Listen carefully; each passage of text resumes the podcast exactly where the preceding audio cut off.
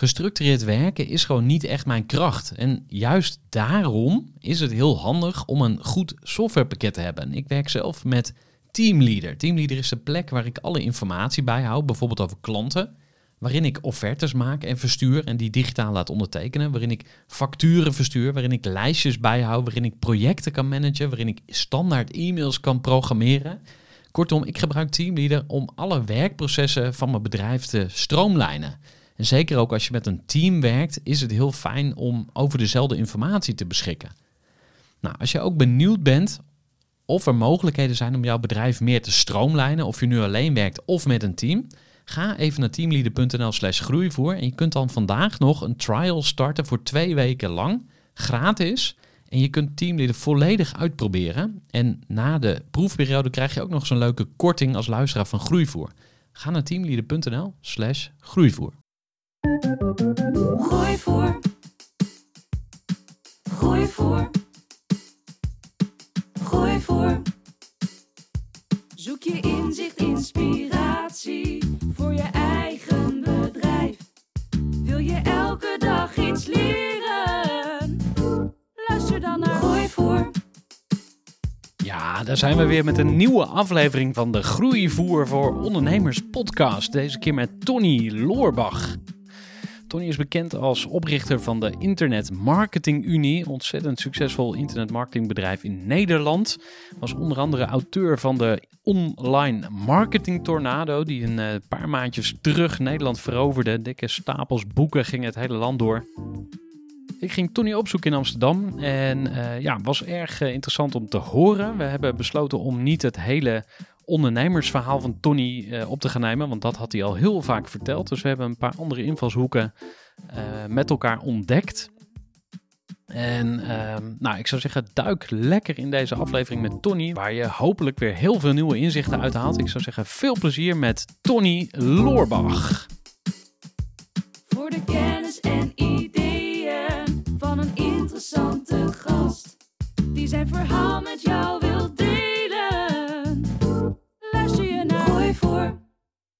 Tony Loorbach, van harte welkom bij de Groeivoer podcast. Groeivoer voor ondernemers. Dankjewel. En uh, je hebt een heleboel groeivoer te bieden, want je hebt heel veel kennis. Uh, want je bent hoe lang ondernemer? Uh, dit is mijn tiende jaar, bijna tien jaar. Wauw, gefeliciteerd. Ga je nog een feestje geven ter ere van uh, tien jaar ondernemerschap? Nou, het is straks in 14 september bestaan we officieel tien jaar. En dan zal er wel een grote marketingactie zijn. Ik vind sowieso als je jarig bent, dat is altijd het mooiste moment van het jaar voor een ondernemer. Want dan kan je een hele grote actie doen. Dat ja. zijn altijd de recordmaanden, zeg maar. En uh, als je bedrijf dan ook nog eens jarig is, en dan tien jaar, ja, dan, dan moeten we wel iets mee doen. Maar ik heb nog geen idee wat. Cool, ik ben benieuwd. Hey, en um, we hadden net in het voorgesprek even over dat je uh, al heel vaak uh, je ondernemersverhaal verteld hebt over hoe het allemaal ontstaan is. Mm -hmm. Dus dat gaan we nu gewoon skippen en dat vertel ik uh, aan de gasten in de introductie. Ja, lekker. Maar laten we dan beginnen bij jouw marktpositie, want dat is iets wat mij fascineert. En uh, je bent marktleider op het gebied van online marketing in Nederland, Internet Marketing University. Mm -hmm. En waar ik heel benieuwd naar ben, is um, hoe heb je die uh, positie bemachtigd? En wat brengt het je? hoe, hoe werkt die game, zeg maar? Dus, en we kunnen hem ook wat breder trekken als je wil. Van, ja, mm -hmm. hoe, hoe zit het eigenlijk met andere dominante marktpartijen? Mm -hmm. Maar er is een soort principe, 80-20 uh, regel, die ken je natuurlijk wel. En die zegt ook dat een kleine minderheid een grote meerderheid van het resultaat tot gevolg heeft. Mm -hmm. Ja, als je dat toepast op jouw uh, marktpositie, hoe, uh, hoe kijk je daarnaar? Nou, sowieso is de vraag van hè, marktleider, um, ligt er een beetje aan hoe je die markt dan definieert.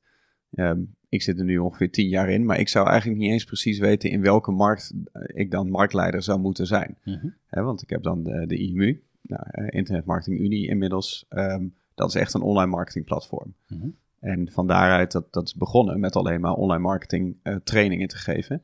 He, dus, dus cursussen, webinars, blogs, video's. Dat was toen gewoon mijn blogje. Uh, en, ik, en ik schreef toen eigenlijk met name over zoekmachine optimalisatie. Dat was echt de niche. Dus het was eigenlijk niet eens internetmarketing in het algemeen. -hmm. Want dat is een veel te breed vakgebied. Mm. Ik weet nog toen ik begon, met ondernemen, dat ik zoiets had van ja, ik moet echt uitkijken dat ik op mensen geen ondernemerschap ga leren, bijvoorbeeld in het algemeen, of marketing in het algemeen, of zelfs persoonlijke groei. Hè, want die kriebel heb je ook nog wel eens. Hè. Als je ooit eh, naar Tony Robbins toe bent geweest, dan heb je daarna heel vaak de behoefte om andere mensen te gaan vertellen wat Tony tegen jou heeft gezegd. Hè. Ja. Dus dan gaan we mensen ook maar eens persoonlijke groei leren. Dus ik had toen zoiets van, ik moet gewoon iets heel specifieks hebben. Nou, internetmarketing dan. En toen met name voor SEO gekozen. Gewoon ondernemers leren, hoe kom je nou hoger in Google? Mhm. Ehm, en dat was toen, in 2010 in Nederland, was dat gewoon ook een heel, eh, het meest tastbare onderwerp, zo'n beetje voor Nederlanders binnen online marketing. Mhm. Dus dat ben ik toen gaan doen. En daar heb ik eigenlijk één product bij gezocht, wat daarbij paste. En dat was website software, waarmee je goed kon scoren in Google. Mhm. En heel veel verder ging die boodschap eigenlijk ook niet. Dus als je dan ging, ging zoeken in Google van, nou, hoe kom ik hoger in Google? Dan kwam je bij mijn blogs uit of ik Mhm. adverteerde daarop. Mhm. Dan had ik één e-boekje winnen in Google. Nou, Mhm. lekker suggestief. Hè, van hoe kom je hoger in Google? En dan legde ik gewoon helemaal gratis uit hoe je dat deed. Wat je allemaal moest doen om je website daar hoger in Google te krijgen. En dan vervolgens zei ik van, nou, wil je dat nou niet zelf doen? Of heb je daar niet de techniek voor? Eh, dan kan je mijn website systeem kopen. En dan zitten dan alle tips die ik je gegeven heb in het e-book, die zitten dan al in de software. Ja. Dus het is heel, heel klein begonnen eigenlijk.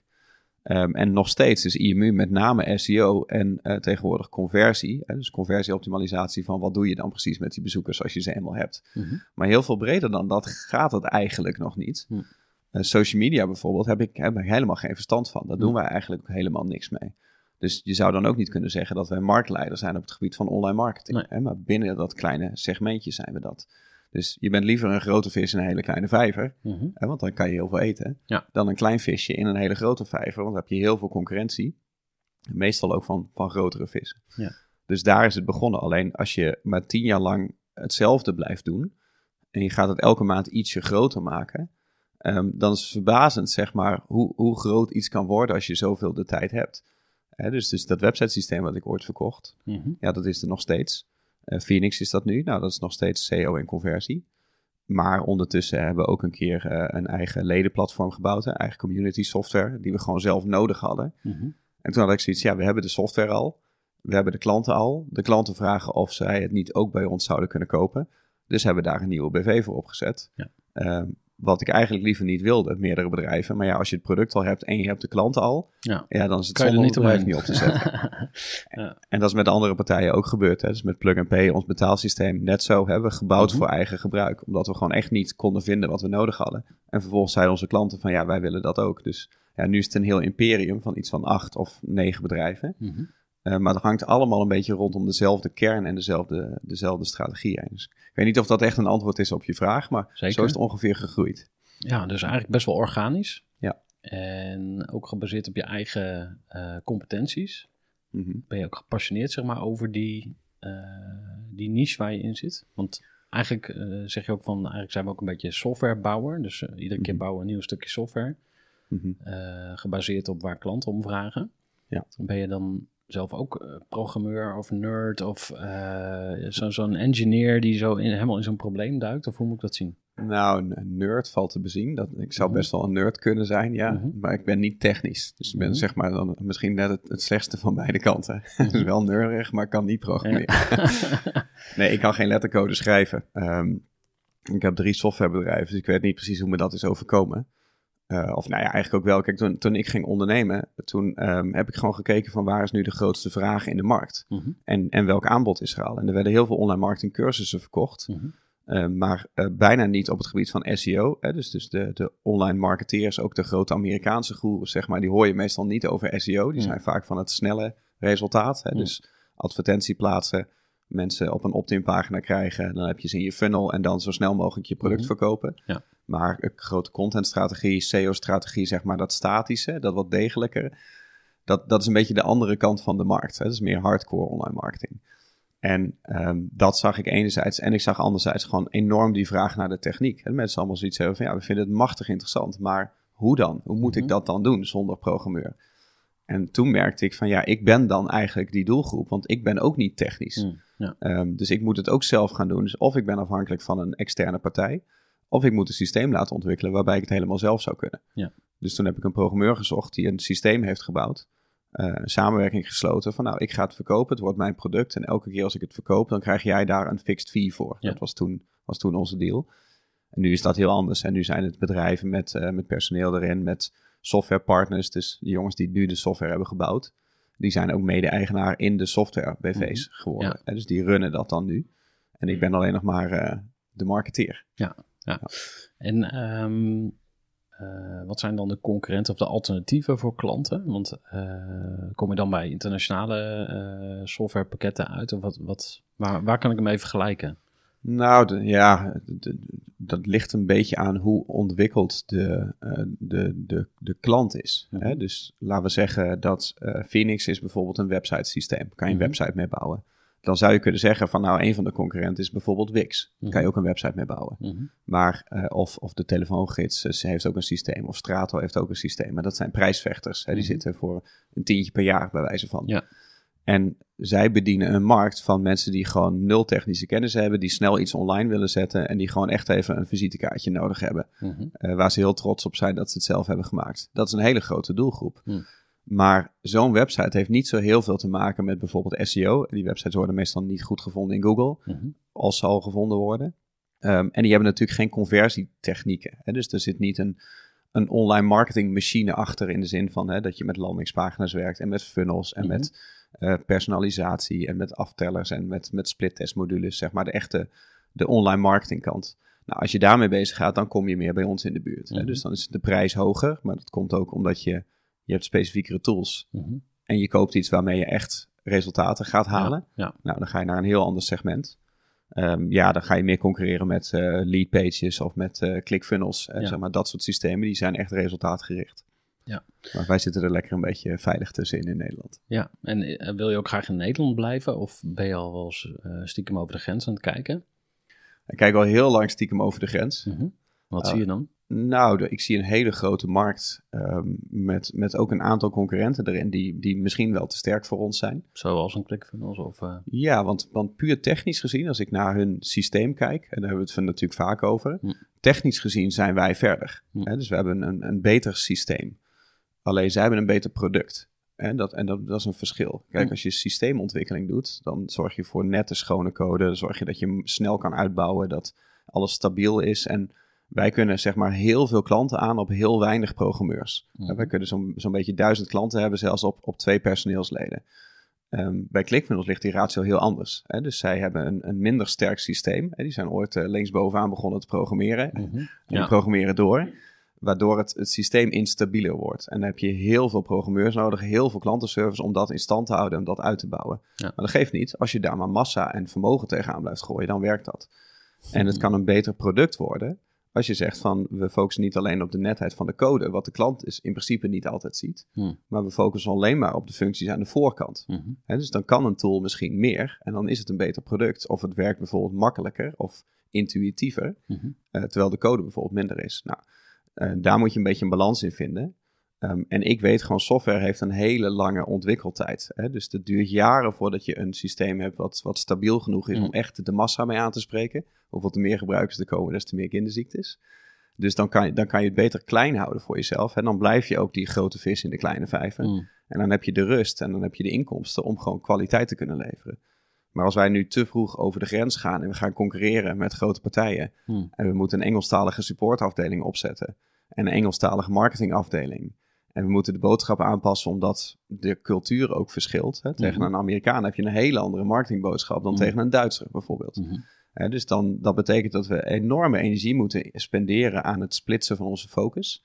En het dan tegelijkertijd ook nog eens moeten opnemen tegen meerdere concurrenten dan dat we nu hebben. Ja. Dus het, dat het, het gevaar van heel veel potentie zien en denken van ja, als ik maar internationaal ga, dan is de markt groter en dan kunnen we groter worden. Vaak is het het tegenovergestelde. Je wordt vaak kleiner als je te groot gaat.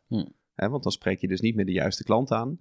En je hebt niet meer de resources om, om de kwaliteit te kunnen leveren die je wil. Ja. Dus dan kan je beter even wachten. Ehm, maar zit het wel in je hoofd of in je planning of in je toekomstvisie?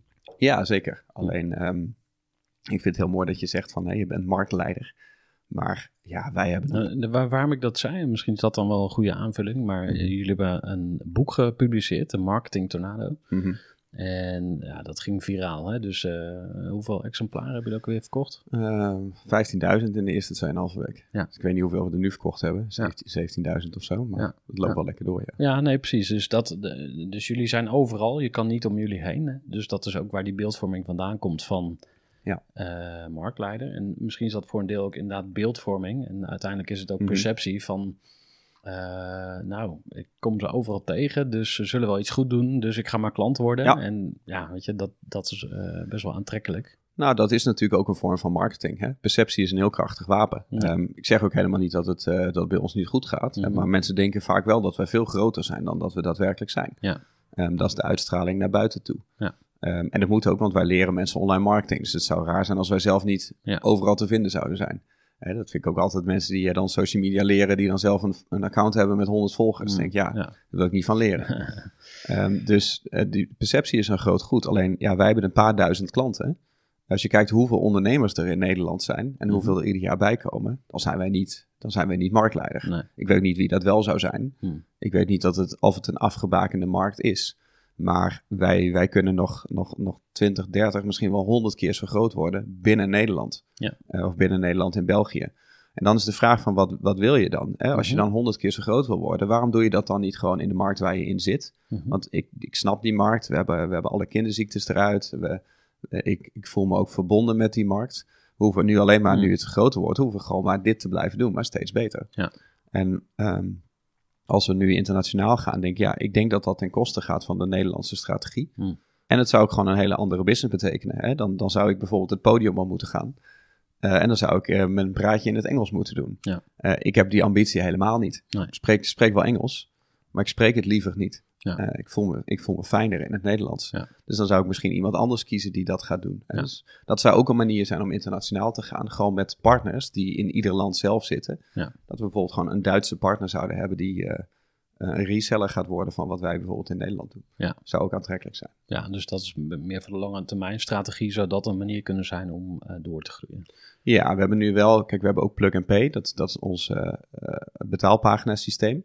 En dat is eigenlijk een hele simpele kleine tool. Hè. Je kan Mhm. er betaalpagina's mee maken en upsell processen. Mhm. En, en er zitten wat administratieve dingetjes omheen en er zit een affiliate systeem in. En dat is gewoon precies de oplossing die wij nodig hadden voor onze markt. En omdat het zo simpel is eh, en omdat het eh, eh, daarom zo overzichtelijk is, dat is wel een tool die zich ervoor leent om heel snel internationaal mee te gaan. Want dat is bijvoorbeeld ook een tool die zichzelf verkoopt. Ja. Kijk, marketingtechnisch, als ik ehm, bijvoorbeeld een advertentie plaats in Google en iemand zoekt op eh, eh, eh, betaalpagina maken, of, of dus een, een variant ervan in een andere taal, Mhm. en ze komen op de website van Plug and Pay uit voor een dusdanig simpele tool die één op één aansluit met een dusdanig laag bedrag, kan daar een directe conversie zijn. Dus iemand kan dat kopen zonder Ja. dat ik er als persoon of bijvoorbeeld Martijn, mijn compagnon, tussen komt. Dus, dus dat is eigenlijk een directe transactie. Ja, En dat, ja. kun- dat kunnen we heel makkelijk cijfermatig opschalen. Hm. Dat is echt een cijferspelletje. Ehm, en dan blijf je gewoon support en ontwikkelaars erbij prikken naarmate het groter wordt. Mhm. Ehm, kijk je bijvoorbeeld naar een, een product zoals Phoenix, en dat is wat groter. Hè? Dus Mhm. dat is, ja, het is een websitesysteem, maar ook weer niet voor, voor de hele markt. Hè? Het is heel specifiek van, nou, als je bijvoorbeeld een funnel wil bouwen of als Mhm. je eh, met productlanceringen wil werken of met landingspagina's. En, en daarvoor merk ik van, daar hebben we vaak meer de educational sales nodig. Mhm. Hè? Dus we moeten eigenlijk het eerst uitleggen, bijvoorbeeld via een e-book of via een webinar Webinars, of via een video. ja. Dus dan, dan leg je eigenlijk uit van, nou, eh, ondernemers, wij willen jullie een aantal kansen laten zien. En dan laten we zeggen, nou, je kunt bijvoorbeeld, als je boven in Google wil komen, dan kan je bijvoorbeeld werken met interne links of met eh, accelerated mobile pages. Mhm. Of je moet schone code hebben. Of je werkt met een, met een kennisbank. Nou, Mhm. dat zijn allemaal hele specifieke functies Ja. die niet zo heel erg bekend zijn. Ehm, dus je moet mensen eigenlijk, je moet eerst een markt creëren. Je moet het eerst uitleggen. En dan de mensen die daarna geluisterd hebben, die kansen zien, die in die funnel zitten. Ja. Dat zeggen we vaak, zit kniediep in je funnel. Ja. Ehm, dan heb je ze warm gemaakt en dan kan je closen, dan kan je het product verkopen. Maar dat is eh, een- heel krachtig wapen. Dan Hmm. ben je eigenlijk influencer marketing aan het doen op je eigen bedrijf. Hmm. Alleen het kost heel veel energie. Ja. Dat betekent dat jij als CEO elke sale handmatig Ja. aan de haren naar binnen moet trekken. Ja, ja, ja. ja. Ehm, en als je, als je dat dan vervolgens ook nog eens in meerdere talen wil gaan doen en meerdere, meerdere culturen, Ja. dat is helemaal geen Gaat logische complexiteit. Ja, precies. Ja, dan kan je beter blijven daar waar je zit en daar eh, bijvoorbeeld je budgetten gaan verhogen. Ja. Of eh, de vorm, zoals wij bijvoorbeeld deden van nou, in plaats van e-books doen we nu eens een keer een fysiek boek. Ja. Ehm, en, da- en dat is echt verbazend wat, wat voor verschil een fysiek boek dan nog maakt ten Ja. opzichte van een gratis e-book. Vertel eens, wat, eh, wat heb je gezien? Of wat, mee, wat heb je meegemaakt? Nou, die, die e-books van ons, die zijn er al jaren. En Mhm. die zijn echt tienduizenden keren gedownload. Nou, het werkt, werkt heel goed. Ja. Alleen mensen hechten gewoon blijkbaar zoveel meer waarde aan iets fysiek in je hand hebben. Mhm, Hè, dus ja. een fysiek boek. Ehm, een e-book downloaden betekent niet per se dat mensen het e-book daarna ook gaan lezen. Laat staan dat ze daar een, een verbinding met jou hebben, Hmm. omdat ze jouw e-book hebben Ja. gedownload. En op het moment dat iemand gewoon echt zo'n dik boek al fysiek in zijn handen heeft gehad, Ja. en je hebt er zelfs alleen maar in, in gebladerd en misschien niet eens het hele boek gelezen, dat maakt al zo'n sterke emotionele connectie Hmm. tussen, tussen de klant en tussen jou. Dat als je dan vervolgens zo'n klant gaat opvolgen en met je product komt, is de kans al veel groter dat, dat iemand dat gaat kopen. Ja. Sowieso, eh, ik heb ook het idee dat we hebben gewoon bijna, we hebben meer boeken verkocht, denk ik nu, ehm, dan dat we aan downloads hadden gekregen als we een, de, hetzelfde boek gewoon als gratis e-book Ja. online hadden gezet. Ja. Want we hebben echt, eh, vlak voor het boek hebben we de Corona Crisis Kit online gezet. En dat was een programma, eh, gratis, videoprogramma, ter waarde van 5000 euro. Konden mensen gratis downloaden, ter ere van, ter Hmm. ere van tijdens corona. En Ja. Dus wij zeiden, ondernemers hebben het moeilijk, nou dan geven wij dit als Ja. cadeau. Ehm, en dat werd ongeveer 4000 keer aangevraagd. Mhm. Mensen hoefden niet te betalen, ze hoefden alleen maar de betaalpagina in te vullen en dan vervolgens 0 euro af te rekenen. Ja. Want we wilden ook het tastbaar maken van, van 5000 euro voor nul. Ehm, en mensen moesten daar wel eh, eh, e-mailadres invullen en zelfs telefoonnummer. Ja. Dus dat is 4000 keer gedaan. Ehm, en drie, vier weken later, ik denk drie weken later, hebben we het boek gelanceerd. Hmm. Eigenlijk aan dezelfde markt, met dezelfde achterban. Ja. En toen verkochten we er 15.000 Ja. in 2,5 week. Ja. Deels ook omdat er heel veel affiliates meededen. Dus wij hebben zelf ongeveer de helft verkocht. Mark eh, de Groot bijvoorbeeld, Bas, eh, dat soort... eh, Bas Eurlings, eh, Ja. Joshua Kaats, Juri Meuleman, Oh, ja. Simone Levy. Nou, we hebben er echt tientallen gehad die allemaal mee hebben gepromoot. Sommigen hebben er honderden verkocht. Sommigen zelfs, zelfs volgens mij meer dan duizend Ja. per één affiliate. Ja. Ehm, dus dat is niet helemaal een eerlijke vergelijking. Maar wij hebben toch meer bo- boeken verkocht. Dan dat we drie weken daarvoor aan gratis corona-kits weg hebben gegeven. Ja. Ter ere van, eh, ter waarde van 5000 euro. Dus Ja. het heeft gewoon een andere vorm van tastbaarheid. Hey, en ehm, eh, heb je aanbiedingen gehad van eh, investeerders, VC-partijen om, om in die software te stappen? Of, want dat, waarom ik die software zo interessant vind, is dat Mhm. het voorbeeld van eh, hoe kom je ooit in de quote? Eh, geniale software bouwen en dan Mhm. eh, op, een, op een dag komt er een grote Amerikaanse partij en die koopt je. Of Ja. een VC-fund, die stopt er heel veel geld in en die gaat schalen met je. Of het gaat naar de beurs, of, of het is op papier heel veel waard. Ja, nou dat is inderdaad ook nog interessant. Ja, ja. maar hier heb je wel eens over nagedacht. Ja, vind ik moeilijk. Eh, we hebben nooit, heeft nooit zich een investeerder gemeld. Mhm. Al die jaren niet. Ik heb er ook nooit naar gezocht. Nee. Ehm, we hebben alles met eigen geld gedaan. Dus er is nooit, nooit een eurocent eh, geleend. Mhm. We hebben zelfs nooit, nooit een euro rood gestaan in Mhm. al die jaren. Mhm. Dus het is met niks begonnen. En alle geld Nou, wat we verdiend hebben, hebben we mhm. terug geïnvesteerd. Daar ben je wel trots op, denk ik, of niet? Ja, ja eigenlijk wel, ja. Ja. ja. nou ja, ik vind het een beetje dubbel. Ja. Kijk, ik heb ehm, eh, mijn, mijn, mijn, mijn broer, of een van mijn broers, ehm, die heeft een accountantskantoor en is ook tegelijkertijd mijn beste vriend. Mhm. Hè? Dus, dus wij zijn bijna symbiotisch met elkaar verbonden. En we zien elkaar elke week. Hij bouwt zijn administratiekantoren, zijn business en ik de Mhm. mijne. Ja. En daar hebben we het heel veel over. En wij zijn daarin een beetje tegengestelde. Hey, ik doe altijd alles met eigen vermogen. Mhm. En ik geef in principe geen euro uit die ik niet eh, keer 100 heb, zeg Ja, maar. Ja. Dus heel veilig. Ja. Ehm, en hij ehm, eh, heeft natuurlijk meer een financiële mindset. Hè? Dus, dus als hij bijvoorbeeld eh, zijn bedrijf laat groeien, een tijdje geleden dan deed hij bijvoorbeeld een overname. Dan neemt hij een andere administratiekantoor over. Eh, en afgezien van of hij dat geld zelf heeft of niet, hij gaat het sowieso niet zelf betalen. Hij Mhm. haalt dat geld bij de bank. Ja. heeft zoiets van alle vreemd vermogen wat ik los kan krijgen, wat mij meer oplevert dan dat het me aan rente kost, dat moet ik doen. Ja. Hè, dus als van elke euro die ik leen, ik eh 5% rendement maak en ik hoef er maar 4% voor te betalen, Dan wil ik dat oneindig lenen. Ja. En dat is, dat is een bepaalde mindset, waardoor ik zie dat hij gewoon eh, heel ver komt zonder de budgetten die ik heb. En denk van, ik zou dat misschien wel, eh, dan zou ik misschien nog trotser zijn op mijn bedrijf. Als ik het vermogen ook zou hebben om met extern vermogen ook te groeien in plaats Ja. van met mijn eigen vermogen. Ja. Dus dat maakt het een beetje dubbel. Even een korte onderbreking met een belangrijke vraag aan jou. Want wat heb jij geregeld voor het geval je van de ene op de andere dag zou komen uit te vallen? Wat gebeurt er dan met je bedrijf, maar vooral wat gebeurt er met jou persoonlijk en ook in financieel opzicht? Samen met ASR voerde ik drie openhartige gesprekken over tegenslag en veerkracht. En dat deed ik met Saskia, Vincent en Pieter. Ondernemers met een bloeiend bedrijf die van de ene op de andere dag niet meer konden werken. En die verhalen hoor je in aflevering 256, 257 en 258 van deze podcast. Als ondernemer wil je natuurlijk niet uitvallen. En daarom is het belangrijk dat je veerkrachtig bent, want voorkomen is beter dan genezen. En als het dan toch misgaat, is het fijn dat je iets geregeld hebt, zodat je weer snel door kunt met ondernemen. Wil je weten hoe veerkrachtig jij nu bent? Vul dan in twee minuten de veerkrachttest van ASR in. Ga naar asr.nl/slash veerkrachttest ondernemers. Ja, ik moest, ik moest net even aan Jitse Groen denken. En die is Mhm. natuurlijk met thuisbezorgd eh, begonnen. Ik heb ooit nog met hem in een eh, salsa-klasje gezeten. Nou ja, Dat kijk. is wel grappig. Eh, en op een gegeven moment was hij er nooit meer. Waarschijnlijk heel druk met alle overnames. Maar toen zag ik laatst zijn laatste acquisitie in Amerika. Toen dacht ik, oh mijn god, dit is gewoon echt een wereldspeler geworden. En zijn aandelenkapitaal is, of zijn aandeel in het bedrijf was geloof ik nog 8% of zo. Maar in ieder geval, eh, hij heeft nog maar een heel klein deel. Maar het is wel ontzettend Mhm. eh, imperium geworden. Ja. Maar dat moet dus bij je passen. Ja, en het, het ligt ook een beetje aan van. ehm, meestal als je ondernemer wordt, dan, dan doe je dat omdat je een bepaalde verandering in de wereld wil zien. Hmm. En denkt van, nou, dan ga ik die verandering zelf in gang zetten. Mhm. En dat, en dat kan eh, heel eh, in, idealistisch zijn van ik wil de wereld verbeteren of ik wil, ehm, ik zie een bepaalde groep mensen problemen hebben die bepaalde hulp nodig hebben. Dus Mhm. daarvoor heb ik een dienst of een bepaald product. Ja. Het kan zelfs je eigen wereld zijn. En dat je zoiets hebt van nou ik wil meer controle over mijn eigen uren of eigen, over het soort werk wat ik doe of over de hoeveelheid geld die ik verdien.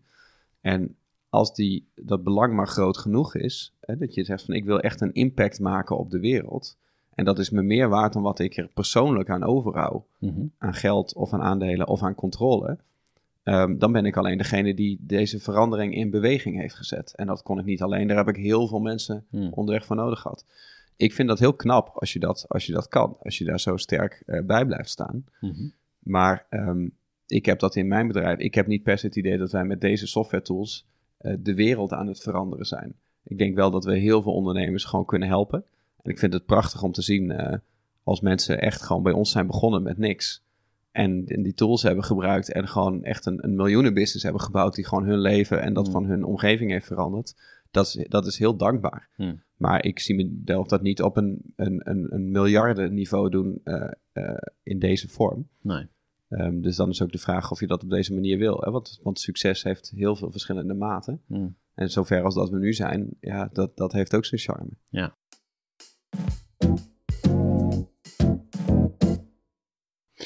Hey, en ehm, wat is dan jouw intentie, zeg maar? Of, Waar, wat is jouw why of je purpose? Want, eh, Ja. korte aanvulling is misschien nog voor voor mij zijn eh, in ondernemen, want ik heb twee bedrijven. En eh, het ene is Eager People, eh, recruitment voor de facilitaire branche. Mhm. Eh, het andere is groeivoer. Nou, daar zijn we nu natuurlijk eh, de podcast voor aan het opnemen. En eh, wat ik super leuk vind om te doen, is gewoon het bouwen van een bedrijf. Dus puur het creëren, het neerzetten, het eh, iets laten werken, zeg maar. Mhm. Maar dat heeft niks met mijn eindklanten te maken. Dus als je gaat nadenken over intentie, Mhm. van met welke intentie doe ik dit? Ehm, ik denk niet elke ochtend als ik opsta van, ah, wie kan ik nu weer eens helpen? Mhm. Ik denk, oké, hoe kan ik mijn bedrijf verbeteren? Dus ik ben eigenlijk gericht op mijn eigen belang. Ja. En ik denk dat het ook prima is om daar transparant over te zijn. Dus we Mhm. kunnen wel allemaal heel eh, tof gaan doen van, oh, we hebben echt een purpose om de wereld te redden en Mhm. ondernemers eh, te helpen. En eh. Mhm. dat mag ook onderdeel van de vergelijking zijn. Maar ehm, ja, hoe is dat voor jou? Balanceer je dat? Of denk je erover na? Of wat, wat voor rol speelt het voor jou? Nou, weet, weet je wat jij ook zegt? Ehm, ik vind, het is heel nobel hoor, van eh, vind je why. En eh, wat Simon Sinek ook zegt, van mensen kopen niet wat je doet, mensen kopen waarom je het doet. Mhm. Ik denk, ja, er zit wel wat in, maar het is heel vaak helemaal niet zo. De meeste ondernemers willen gewoon geld verdienen. Mhm. En daarom beginnen ze. Mhm. Of, of ze willen niet meer voor een baas werken en daarom beginnen ze. Er is niks mis mee. Ja. Ehm, En als jij gewoon een heel simpel product verkoopt en het is gewoon voor jou puur business en jij vindt business leuk, Ja. dan, dan, dan hoef je inderdaad niet per se betrokken te zijn met die eindconsument. Betekent ook niet dat je iets nadeligs moet doen of dat je succes moet halen ten koste van de eindconsument. Hmm. Maar je hoeft inderdaad niet elke ochtend wakker te worden met het idee van nou, het is me allemaal om de klant te doen. Hmm. Ehm, het kan ook zijn dat het je om jezelf te doen is, of om jouw familie, of om eh, de mensen die je in dienst hebt. Ehm, ik denk je moet het in eerste instantie zoeken bij iets wat heel dicht bij jouzelf ligt. Eh, ik heb dat ook. Ja, ik vind een bedrijf bouwen. Ik vind het fantastisch om aan het bouwen te zijn en om Mhm. dingen te laten groeien. Ehm, Ik zie het nu ook aan je gezicht. ja, ja, ja, ja, er komt nu daadwerkelijk Grappig, hè? Ja. emotie in. Ja. Ja. Dat is, eh, ja, dat vind ik prachtig. Maar dat, eh, maar dat wist ik niet altijd. Toen ik begon met ondernemen, wist ik dat niet van mezelf. Mm. Ik vind het heerlijk om, eh, om werkgever te zijn. Dat vind ik Mhm. een van de mooiste dingen die ik heb in mijn leven. Dat ik een werkgever ben. Mhm. Hoe gaaf is het als je dus iets gecreëerd hebt... ehm, en dat andere mensen daar gewoon een inkomen uithalen... En, eh, en dat ze daardoor groeien Mhm. eh, en als persoon veranderen. Ja. En dat het iets is wat, wat jij ooit hebt gefaciliteerd. Mhm. Hè, of in, in het gang hebt gezet. En Ja. waar andere mensen dan mee verder zijn gegaan. En dat je het idee hebt dat je bijdraagt aan de economie van je land. In, in een wat grotere vorm dan wanneer je alleen maar je belastingen afdraagt. Ja, ik vind dat fantastisch. Maar dat wist ik van tevoren niet. Eh, Als je mij dat tien jaar geleden had gevraagd van zie je zelf ooit personeel hebben? Nou, dikke vette nee. Hmm. Want ik ben helemaal geen mensenmens. Eh ik had zoiets, ik wil gewoon lekker aan- achter mijn laptopje gewoon alleen. Liefst de gordijnen dicht. Laat me met rust. En eh, dan verdien ik zoveel dat mensen me niks meer kunnen maken. Dan, Ja. dan moet ik niks meer. Dus het is helemaal niet raar dat het ontwikkelt. Van, het begint vaak met controle hebben over je eigen uren en je eigen inkomen. En vanaf een bepaalde grens verdien je meer dan dat je wil uitgeven. Eh, en dan is de vraag van wat wil je dan? Eh, bij mij was het in eerste instantie dat ik dacht van ja, ik kan nu wel nog meer geld gaan verdienen. Maar ik heb er geen bestemming voor. Dus als ik nog harder ga werken en nog meer klanten krijg, dan krijg ik inderdaad nog meer geld waar ik ook Mhm. geen bestemming voor heb. Mhm. En tegelijkertijd heb ik nog minder vrije tijd, omdat ik dus nog meer klanten krijg. Ja. Dus waarom zou ik dan harder gaan werken? Mhm. Maar op een gegeven moment wordt het groter dan jezelf. En dan komen er andere mensen bij. En toen had ik zoiets van, ja, maar als ik nu meer omzet ga maken, dan kan ik meer mensen in dienst nemen. Dus dan kan ik meer salarissen betalen. Dan kan ik eh, eh, een groter bedrijf maken, wat een grotere impact heeft op de markt. Hè? En ik zag gewoon mensen met onze producten werken en daar succes mee halen. En ja, dat hoef ik, daar hoef ik niet elke ochtend mee op te staan. Maar ik vind het wel fijn om een paar keer in de week die reality check te krijgen van mensen die gewoon echt een business hebben opgezet met onze tools en met Mm. onze strategieën. En daardoor gewoon een leven hebben gecreëerd wat ze, wat ze wilden hebben. Ja. En ik weet niet of ze het anders niet ook hadden gecreëerd als wij er niet waren geweest. Mm. Vast wel. Uh, maar we hebben er in ieder geval een aandeel in gehad. Ja. En denk, ja, dan is het gewoon een hele, hele mooie gezonde balans. En dat blijf ik ook gewoon doen. Ik heb ook niet een, eh, een, een, een endgame of een, uh, waar ik over vijf of tien jaar wil staan. Globaal wel een stip aan de horizon. Mm. Ik ben nu bijvoorbeeld een investeringsmaatschappij gestart met mijn broer dan. Um, en dat komt heel dicht in de buurt van, van wat we uiteindelijk altijd wilden gaan doen. Mm. Hè? Dus gewoon participeren in bedrijven en investeren in bedrijven. Ja. En gewoon alleen maar bouwen. Dus niet in de bedrijven werken, maar de bedrijven laten groeien. En dat, is, dat is een heel mooi vak. Ja. En daar ga je eigen geld leveragen en uh, geld lenen dan waarschijnlijk? Of zijn jullie, want daar ga je dan uh, jullie twee denkwijzen samenvoegen? Ja, dus, dus um, je, het is gewoon een soort van, van vierde fase. Mhm. Ik noem het wel eens, um, ik heb dat ooit van, uh, van Keith Cunningham geleerd. Die, zei dat heel mooi. Hij zei, als, als ondernemer begin je als artiest.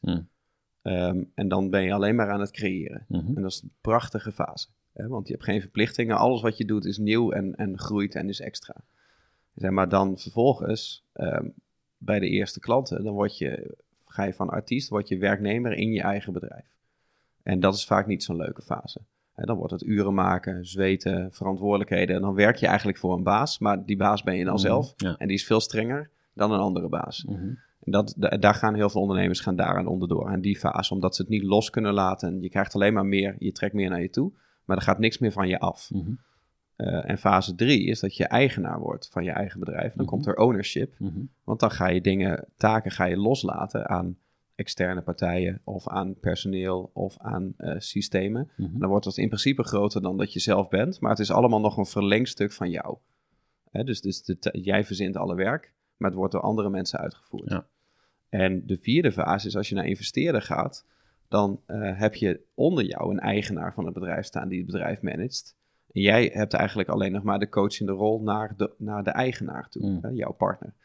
En als investeerder kijk je gewoon iedere maand naar welke resources heb ik tot mijn beschikking, Hmm. die ik deze maand kan inzetten in de hoop dat ze meer waard worden. Ja. En met eh, de beperking van het risico dat ze minder waard worden.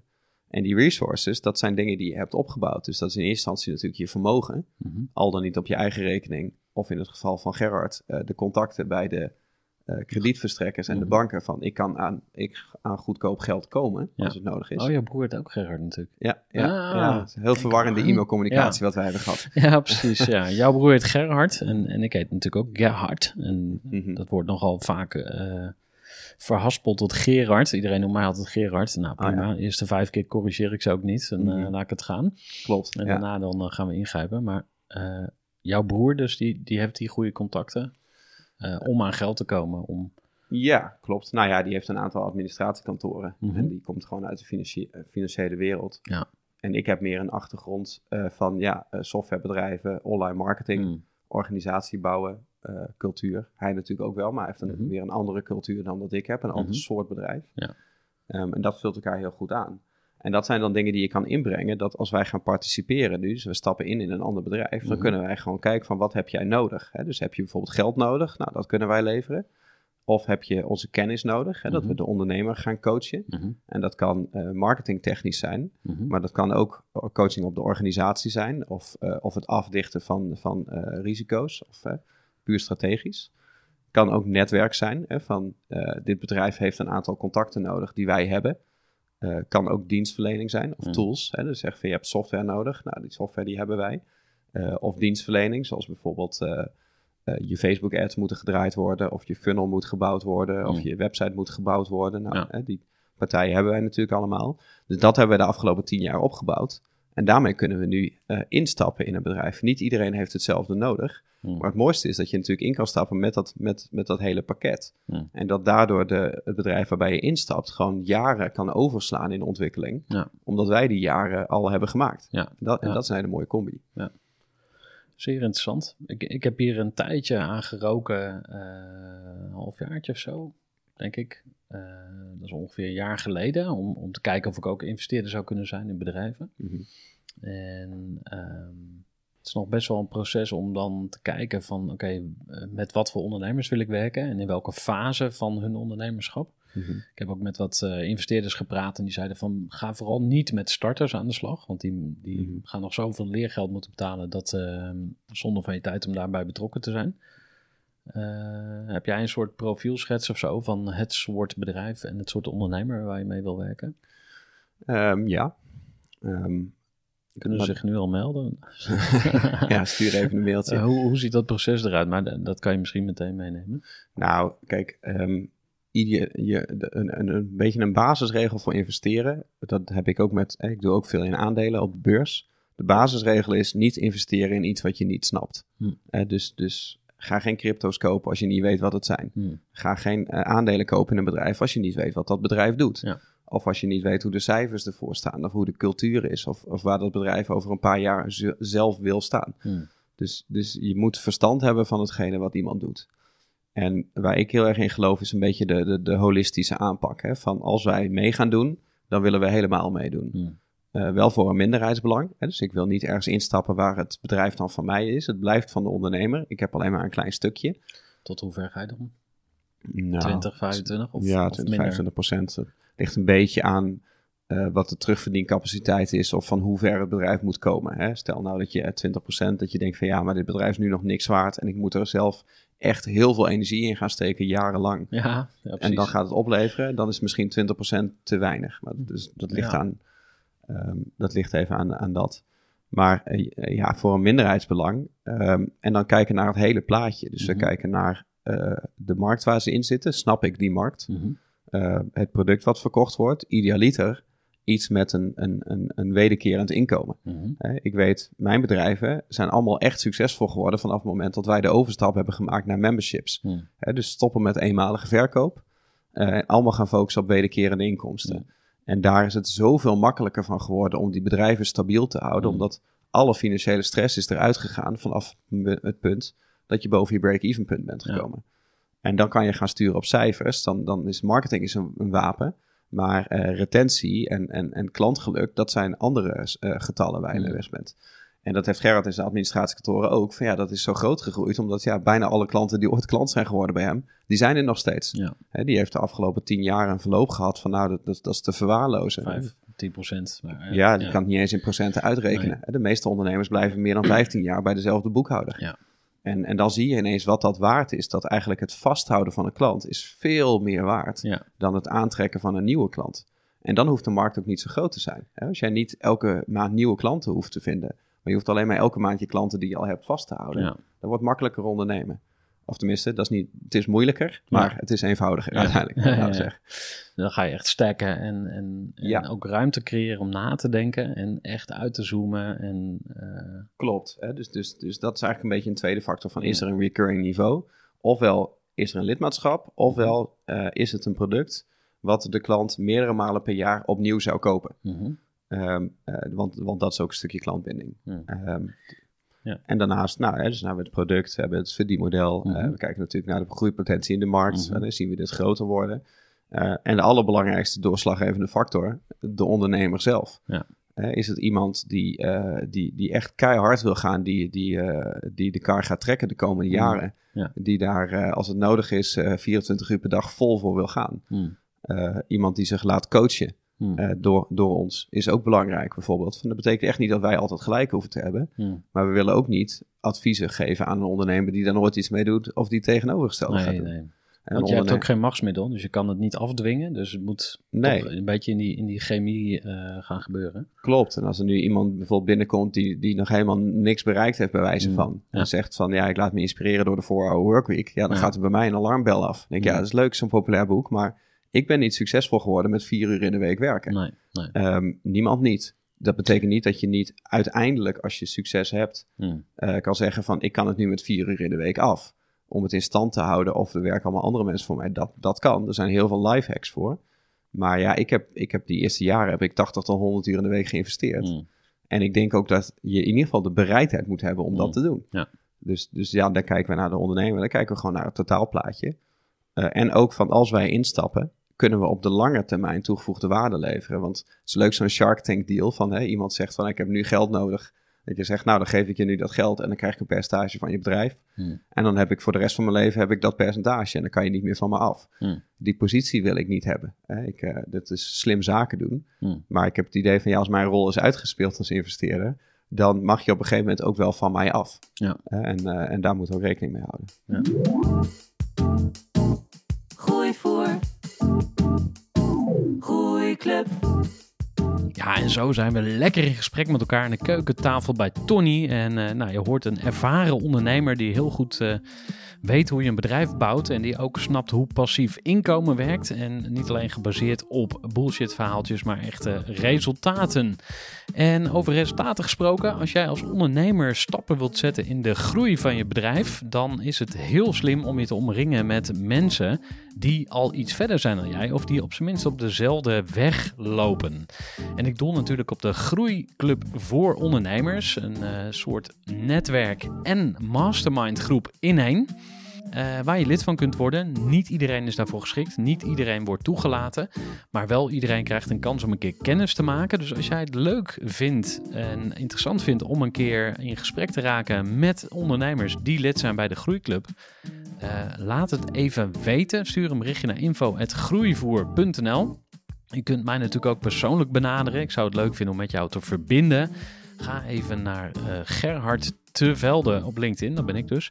En stuur mij een eh, contactverzoek als we nog niet gelinkt zijn. En als we al wel gelinkt zijn, stuur mij gerust even een berichtje. Ik vind het altijd leuk om van je te horen. Je kunt me natuurlijk ook altijd een ondernemersvraag stellen. En als ik hem zelf niet kan beantwoorden, dan koppel ik je aan de juiste persoon in mijn netwerk. Nou, tot zover deze commercial break over de Groeiclub voor Ondernemers. Het zou leuk zijn daar te zien. En voor nu zou ik zeggen, Luister lekker verder naar Gooi voor. Hey, en ehm, we hadden het net even over intentie. Dus eh, wa- waarom ehm, doe je wat je doet, zeg maar. En waarom ik dat ook vroeg is omdat er in de eh, marketing per definitie eh, soms dingen ook mooier gemaakt worden dan ze zijn. Dat is eigenlijk de, de, ik wil niet zeggen de essentie van marketing, want dat zie ik toch wel Mhm. wat anders. Ehm, maar om het wat concreter te maken, eh, dat is misschien een mooi bruggetje naar het onderwerp masterminds. Mhm. Eh, want jij zit in een informele mastermind. Mhm. En, ehm, en dan kun je een commerciële mastermind doen. Dus je kan zeggen van, hé, hey, we hebben, eh, wat jij ook hebt, die multilevel eh masterminds. Dus de duurste Mhm. is dan bijvoorbeeld 15 of 20 of 25.000 euro. Wanneer ga je iemand een product afraden en wanneer ga je iemand een product verkopen?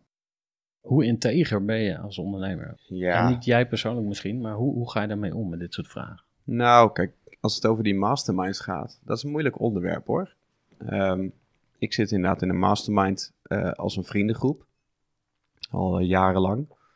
Ehm, dat zijn gewoon ondernemers onder elkaar op een soort gelijk level, ehm, die, eh, die vriendschappelijk met elkaar omgaan. En, en, en, en, daar, en als we bij elkaar komen, zit er vaak wel een agenda op. Dus dat is dan een soort van gecontroleerde mastermind. Ehm, ik heb ook een mastermind. Hè, dus ik heb in IMU hebben, hebben er twee. IMU Silver en IMU Gold. Mhm. Inderdaad, twee verschillende levels. Ehm, ik, ik heb daar een beetje een haat-liefde verhouding mee. Ik vind, kijk, op het moment dat je als een ondernemer zijn op een hoog niveau zit en je wil sparren met eh, iemand anders die op datzelfde niveau zit, ehm, dan, is, dan is het de kwaliteit van de master- mastermind staat of valt met de kwaliteit van de deelnemers. Dus als jij lid wordt van een mastermind en jij zit zelf bijvoorbeeld op, ja, ik eh, heb een grote business, ik heb heel veel personeel, ik draai eh, 10 miljoen omzet per jaar, ik eh, heb eh, deze persoonlijke groei, Mhm. dan wil je niet in een mastermind zitten met iemand die net startende is. Nee. Ehm, en daarom wordt zeg maar vaak de kostprijs is een soort van de eerste barrière. Ja. Van je moet het kunnen betalen. En Ja. als je het kan betalen, dan betekent dat vaak dat je dat level hebt. Daarnaast de persoonlijke groei. Als je zo'n bedrag durft te investeren, dus Ja. bijvoorbeeld 25.000 euro, dan zit je op een bepaald level van eh, qua mindset hè, dat, je kan je, dat je kan levelen met de rest. En, en dan is het magisch. Hè? En dan kan je zelfs nog zeggen dat als mensen er niet voor betalen, ehm, dat de intentie verkeerd is. Hè? Dus je moet durven investeren en je weet ook dat die anderen ook geïnvesteerd hebben. Ja.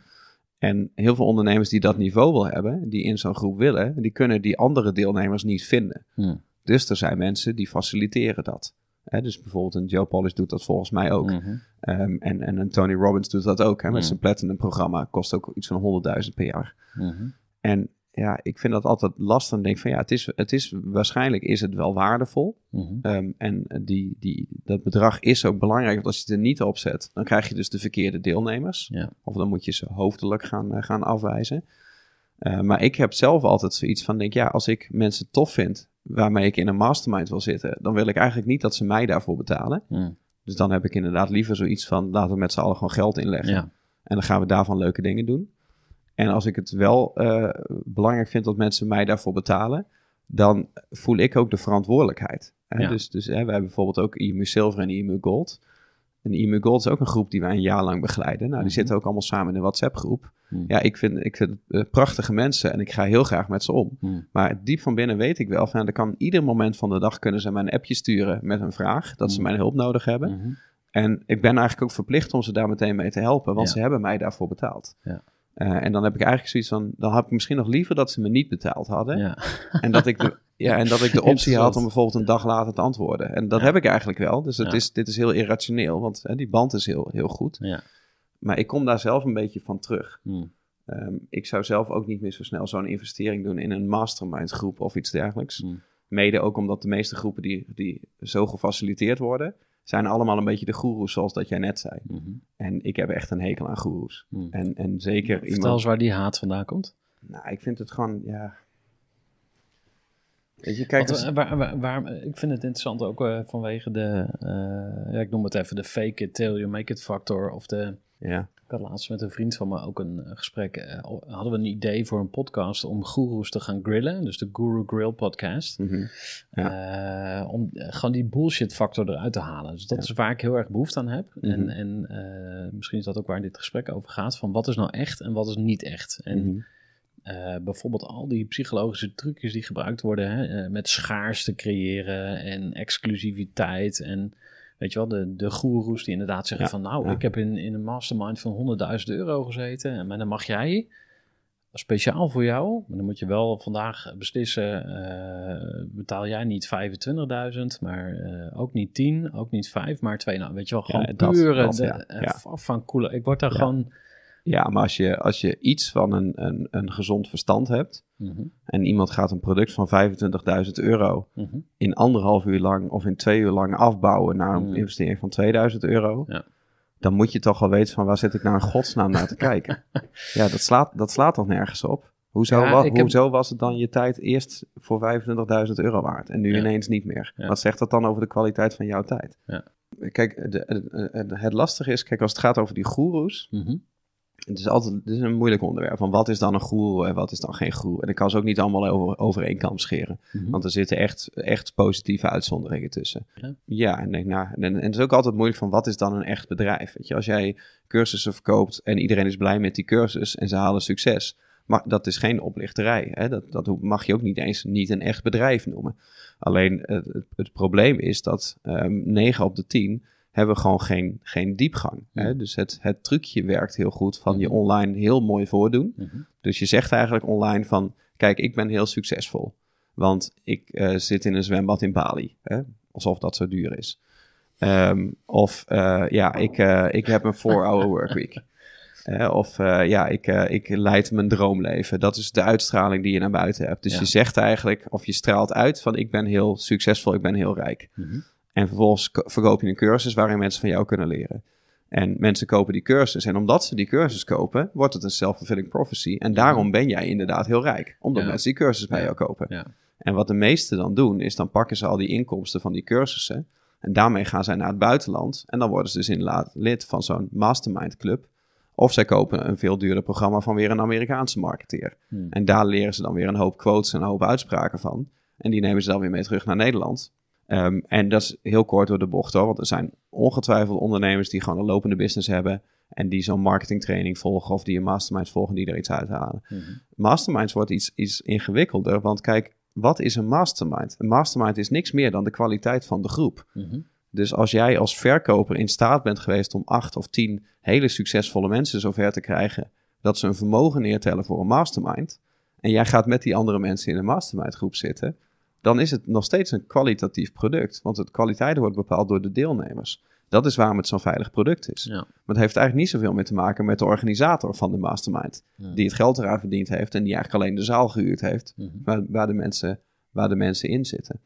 Dus ook als het om masterminds gaat, Mhm. dan wil je ook gewoon kijken naar ehm, wat zijn de resultaten van vorige deelnemers die, die, die daaruit zijn gekomen. Ja. Daar toets je het eigenlijk op. Kijk, het zijn altijd lastige onderwerpen, want als je het helemaal genuanceerd en perfect wil uitleggen, dan ben je er uren mee bezig. Ja. Ehm, ik zit er natuurlijk al heel lang in, dus ik ken ze ook allemaal. Ik Mm. zie alle business coaches, ik zie alle life coaches, alle Mhm. mastermind organisatoren.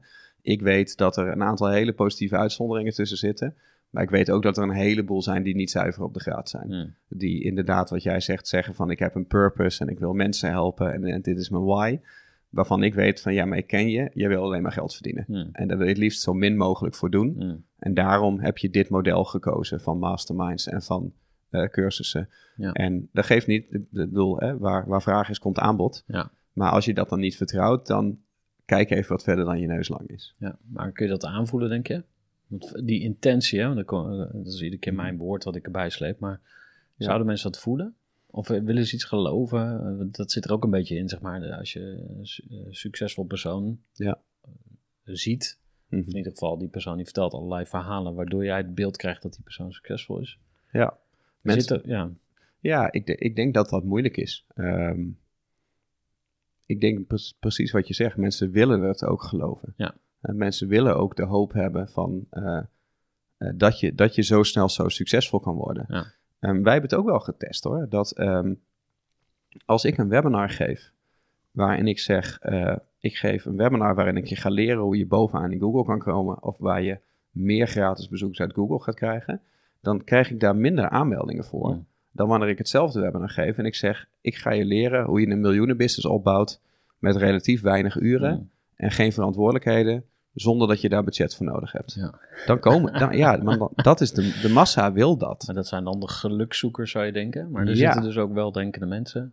Ja, dus, ja, klopt. Nou, er zitten nieuwsgierige mensen tussen die misschien Ja. weldenkend zijn. Eh, maar er zijn gewoon heel veel gelukzoekers. Eh, geld verdienen, ehm, dat, dat willen mensen gewoon. En zeker als je daar geen moeite voor zou hoeven doen. Mhm. Dus je wil het ook geloven dat iemand inderdaad een code gekraakt heeft. En dat Mhm. jij dat van die persoon kan, eh, kan leren. Ja. Mensen willen ook nooit over de lange termijn rijk worden. Mensen willen altijd zo snel mogelijk Ja. rijk worden. Ja. Op lange termijn rijk worden is niet zo moeilijk. Als jij jezelf eh 10, 20 jaar de tijd geeft om eh, Mhm. rijk te worden, Ja. dat is niet zo moeilijk. Je hoeft alleen maar elke maand een bedrag aan de kant te zetten. Dan ben je over 20 jaar rijk. Ja. Eh, als je het ook nog eens weet te beleggen in een, eh, in een bijvoorbeeld in een, in een indexfonds, Ja. noem maar iets. Ja. Of je stopt het in een vastgoedfonds, Hm. dan ben je over 20 jaar helemaal rijk. Dat is echt niet moeilijk. Nee. Het moet alleen geld zijn wat je niet nodig hebt gedurende die 20 jaar. En de economie moet wel gevallig zijn. Maar Hmm. over een periode van 20 jaar, ongeacht twee Ja. of drie keer een dip, gaat hij wel omhoog. Ja. Maar heel snel rijk worden, dat is heel moeilijk. Ja. Maar dat willen de mensen. Willen iets liever nu dan later. Ja. Dus, dus ik snap ook wel dat mensen dat, dat, dat willen zien. Hm. En zou jij mensen aanraden om zelf een mastermind op te zetten? Ja, Of zeker. is dat... en hoe Zeker, pak je dat maar- dan aan? Heb je daar tips voor? Nou, maar wel met, wel met de juiste intentie. Hè? Dus ehm, ja, kijk, mastermind. Ik vind het hele woord mastermind ook, ja, dat gaat Daar gaat het al mis. gaat het al mis. Vertel eens. nou ja, het is zo, het is zo, het is zo pretentieus. Mhm. Het is wel heel raar om van jezelf te zeggen dat je een mastermind bent. Mhm. Ik denk, ja, met zelfvertrouwen is een groot goed. Ja. Alleen, eh, hoe, eh, hoe ik hem interpreteer, zeg maar, de collectieve intelligentie benutten. Dus, eh, Ja. En dat is mijn, een van mijn kerndingen, is gewoon het verbinden van mensen. mhm. Eh, altijd al geweest. eh, ook eh, altijd als iemand iets noemt van ja, ik zoek dit of dat, zeg ik, oh, moet je eens even met die praten, weet je wel. Dus dat is Mhm. echt een, een, heel natuurlijk iets voor mij.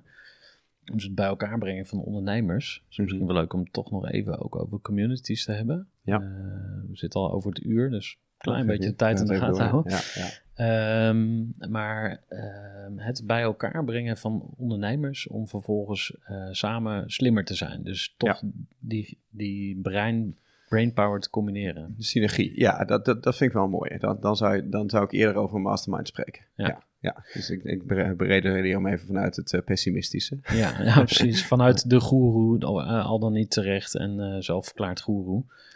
Nou, maar wat je vroeg van wil je dat zelf starten? Mhm. Ehm, ja, zou ik zeker doen, maar dat mag gewoon op de juiste intentie. Hè? Dus Mm. als jij zelf merkt van nou, hè, ik heb behoefte aan andere ondernemers Ja. om me heen, en dat hebben we als ondernemer allemaal, Mhm. eh, die eh, op eenzelfde niveau zitten als ik, al dan niet een niveau verder zijn. Gooi voor. Ik had op mijn lijst gezet om jou ook nog even te vragen eh, wat je precies hebt met online communities. Mhm. Of misschien communities in het algemeen. Want ik, ik, ik zie eigenlijk een, een mastermind ook als een... Dat is eigenlijk ook een community, hè? Dus eh, het geheel overstijgt de som der delen. Hoe zit dat met online communities? Wat is de zin en de onzin daarvan? Want eh, er komen we toch weer een beetje terug bij... eh, dat is ook misschien een, een, een rode draad in dit gesprek. Maar wat is echt en wat is fake, zeg maar? Dus iedereen roept het nu... Ja, je hebt een online community nodig. Mhm. Ehm, en dan volgend jaar roepen we weer andere dingen. Dus eh, er, wordt, er wordt heel veel geroepen. Mhm. Maar wat heb je echt aan een online community? Waarom zou je dat willen, überhaupt? Nou, en kijk, ehm, als, eh, laten we het eerst als deelnemer zien. Dat is met masterminds ook. Kijk, we hebben het nu natuurlijk een beetje over de, of ik heb het een beetje over de negatieve kant van de masterminds, maar Mhm. meer beredeneerd vanuit de mensen die het verkopen. Mhm? En, en de misbruik die daar misschien wel van wordt gemaakt, als je het al zo mag noemen. mhm, Maar laat niet overlet dat in een mastermind zitten een van de meest waardevolle dingen is die je kan hebben als ondernemer. Ja. Je- voor mij is ook echt van, als ik kijk naar mijn ontwikkeling de afgelopen jaren, dat is echt een heel groot gedeelte door mijn omgeving gekomen. Ja. Dus dat, dat, is, dat is gewoon de grootste lifehack die je in je leven kan hebben. Als je ergens wil ontwikkelen, dan moet je gaan omringen met mensen die met datgene be- bezig zijn. Ja. Hè, dus als je fitter wil worden, ga je omringen met fittere mensen en mensen Ja. die veel meer sporten dan jij. Oh ja, wil, je, wil je meer eh, een hoger financieel IQ hebben, ga je in een mastermind zitten met mensen die een hoger financieel IQ hebben dan jij. Ja. Dan, dan, hoe je het ook went of keert, je wordt meegezogen door het momentum van de groep. Ja. Ehm, en dan word je heel snel word je het gemiddelde van de groep. Ja. Ehm, daar moet je ook nooit in een groep gaan zitten met mensen die onder jouw niveau Ja. zitten. Want dan word Ja. je ook het gemiddelde van. En dan ga je dus omlaag. Ja. Dus dat is een hele grote lifehack. En dat is met de community is dat ook zo. Eh, ik geloof heel erg in, ehm, in, in, in verbondenheid. En energie halen uit gelijkgestemden. Dus mensen die dezelfde interesses hebben als jij. Of dezelfde uitdagingen hebben. waar je die uitdagingen mee kan delen. Maar waar je ook je successen mee kan delen. En dat kan een mastermind zijn voor ondernemers. Maar dat kan ook een community zijn van mensen met gewoon dezelfde hobby als dat, Ja. als dat jij hebt. Ja. Ehm, daar, daar zit echt een magie. Dat eh, heb ik bij IMU ook gezien. Wij hebben dan een community voor ondernemers. En dat, in eerste instantie waren dat onze softwareklanten. Eigenlijk per ongeluk ontstaan. Want Hmm. ja, we hadden gewoon klantenservice, deden één op één contact. Eh, en toen dachten we van het is veel eff- efficiënter om dat in een community te doen. Dus toen hebben die ondernemers allemaal in een Facebookgroep gestopt. Ja. Al die softwaregebruikers. En gezegd van nou, als je nu een vraag hebt, eh, liever niet meer mailen, maar zet hem even in de Facebookgroep. Ja. Dat was al in 2011 al, volgens mij, of 2012. Ehm, en dan, eh, als je een vraag ziet van iemand anders waar jij het antwoord op weet, zou ik Ja. het fijn vinden als je hem beantwoordt, maar dat hoeft niet. Maar dan zie je deze mensen het heel leuk vinden om andere mensen te helpen. Ja. En het heel fijn vinden als zij een antwoord weten. Dus, dus ze begonnen allemaal elkaar te helpen. Eh, en ik hoefde alleen maar te controleren of die antwoorden klopten. Dus dat loste mijn supportproblemen op. En er kwam ineens een bepaalde magie. Want de eerste vragen gingen natuurlijk over eh, hoe eh, krijg ik mijn logo geüpload. Ja. En de volgende vragen waren ineens van... Hey, zouden jullie eens naar mijn verkooppagina willen kijken? Of eh, ik ben dit van plan qua marketingactie. Wat vinden jullie ervan? Of ik worstel met mijn prijs. Moet ik dit, deze prijs of deze prijs? En toen werd het ineens strategisch. En toen werd het ineens een mastermind online. En Ja. toen, toen gingen mensen... eh waren ineens de hele dag met elkaar in contact. eh, online. En als we elkaar dan offline tegenkwamen... waren ze ineens goede vrienden van elkaar geworden. Of goede vriendinnen. Of, of, of, of eh, hoe dan ook. Ja. En ik denk, dat is, dat is magisch, dat je dus mensen op een interesse of op een uitdaging bij elkaar brengt. En dat ze vervolgens vrienden worden. Ja. Vriendschappen faciliteren, was het op dat moment. En ik denk, ja, dat, dat is echt gaaf. Hmm. Ehm, en omdat we dat niet op Facebook wilden doen, eh, omdat ze iets hadden van, ja, Facebook kan ieder moment iets anders gaan Ja, doen. je wil je niet afhankelijk zijn van eh, de big Klopt. bad. eh, privacy kwestie en nou, alle, alle nadelen van dien. Dus toen hebben we een eigen platform gebouwd, gewoon een eigen Facebook. met ook meteen een e-learning omgeving erin, zodat we alles op één plek hadden. Nou, Ja. dat is Huddle geworden. Dat hadden we gewoon gebouwd voor onszelf. En toen zeiden al onze klanten van, wij vinden dat ook cool, wij willen dat ook. Ja. Eh, dus nu zijn er iets van eh 600, 700 eh, Huddles online, of misschien nog wel meer trouwens inmiddels. Over echt allerlei onderwerpen. Dus, dus gitaarles, schaken, schaken Tuinkabouters. ja, breien. breien. Laatst, zag ik, eh, laatst zag ik de Bijenclub. Hè? Dus Oh ja. als je dan imker wil worden, Ja. dan kan je lid worden van de Bijenclub. En Is dan leer je tof, hoe je zelf imker kan worden. Ja, super, eh, super cool. En eh, ja, daar zitten dan ook echt gewoon honderden mensen in. Ja. Verspreid over het land of verspreid over de wereld. Die dus allemaal contact hebben met elkaar eh, om die ene interesse. En denk, ja, het gaat niet om dat je... Je hoeft niet altijd over die interesse te hebben. Dat is wat je bij elkaar brengt. Hmm. Eh, maar de vriendschap die ontstaat, dat is wat je bij elkaar houdt. Ja.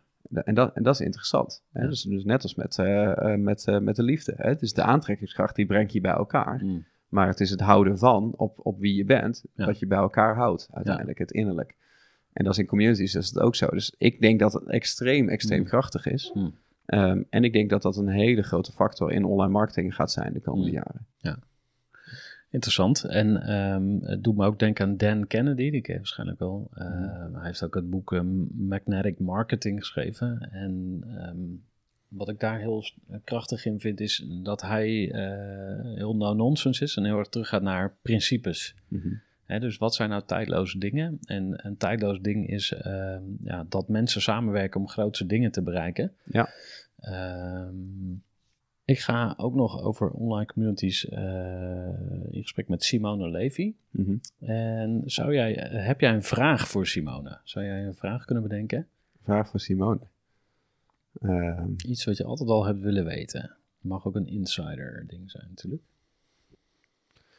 Ehm goh, goede, goede vraag, ja. Even, even Ik helemaal niet er een beetje mee. maar- Ja, klopt, ja. Nou, Simone heeft een heel groot eh, programma M-pop, volgens mij. Waar mensen leren hoe ze hun eigen eh eh, informatiemarketing business kunnen opzetten. Dus dat is stiekem een beetje een concurrent van, ons, Mhm. eh, van onze huddle natuurlijk. Mhm. Eh, maar we kennen Simone goed hoor en hebben goede samenwerking. Dus dit zie ik helemaal niet als concurrent. Maar is meer de vraag eh, van eh, wanneer, eh, wanneer stop je ermee en draag je het allemaal over aan Huddle? Dus dat, is- dat is een leuke vraag. Dat is jouw vraag aan Simone. Cool. En als je samen met haar mocht investeren? Dan, waar ik dan in zou investeren? Mhm. Zou ik, zou ik zo niet precies kunnen zeggen. Nee. Nee. Nou, kijk, waar, waar Simone natuurlijk heel sterk in is. ehm, eh, het is niet dat zij alleen maar een vrouwelijke doelgroep heeft, maar dat is wel een heel groot gedeelte. Hmm. En ik merk dat daar wel echt een groot verschil zit. Hè? Hmm. Dat ehm, als je mensen gaat leren hoe ze eh, succesvoller kunnen ondernemen of gewoon persoonlijke groei, zeg maar, al dat soort markten, alles rondom zelfontwikkeling of zakelijke ontwikkeling.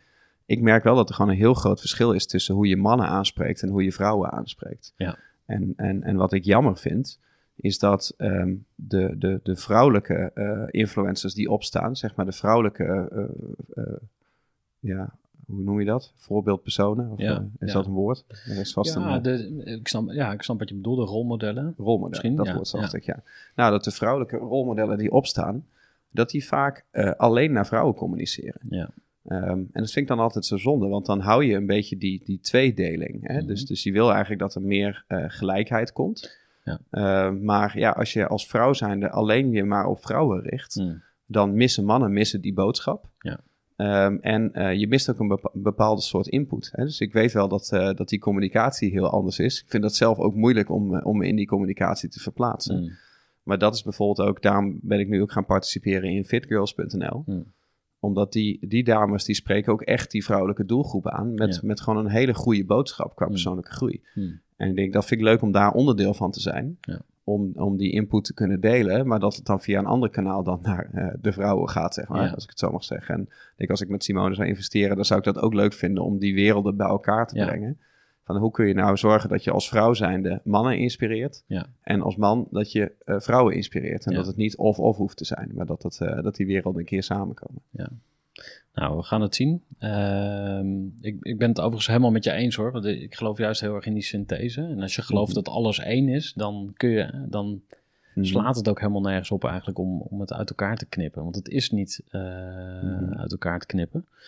Maar voor het te filosofisch wordt, gaan we Ja, het is ook eh, dun ijs dit Ja. eh, onderwerp. Ja. Ja, precies. Dus ehm hey Tony, onwijs bedankt. Graag gedaan. En wellicht tot een volgende keer.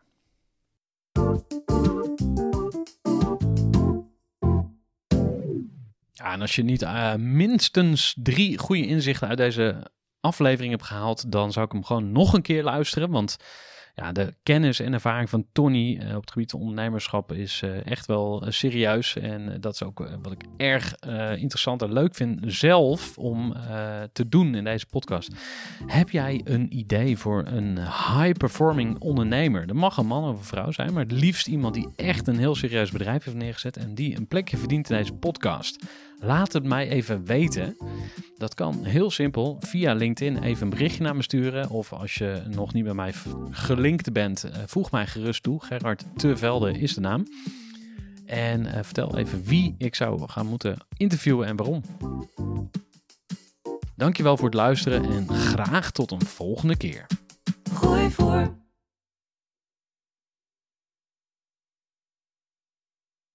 Gestructureerd werken is gewoon niet echt mijn kracht. En juist daarom is het heel handig om een goed softwarepakket te hebben. Ik werk zelf met Teamleader. Teamleader is de plek waar ik alle informatie bijhoud, bijvoorbeeld over klanten. Waarin ik offertes maak en verstuur en die digitaal laat ondertekenen. Waarin ik facturen verstuur, waarin ik lijstjes bijhoud, waarin ik projecten kan managen, waarin ik standaard e-mails kan programmeren. Kortom, ik gebruik Teamleader om alle werkprocessen van mijn bedrijf te stroomlijnen. En zeker ook als je met een team werkt, is het heel fijn om over dezelfde informatie te beschikken. Nou, als je ook benieuwd bent of er mogelijkheden zijn om jouw bedrijf meer te stroomlijnen, of je nu alleen werkt of met een team, ga even naar teamleader.nl slash groeivoer en je kunt dan vandaag nog een trial starten voor twee weken lang, gratis. En je kunt Teamleader volledig uitproberen. En na de proefperiode krijg je ook nog zo'n leuke korting als luisteraar van Groeivoer. Ga naar teamleader.nl slash groeivoer.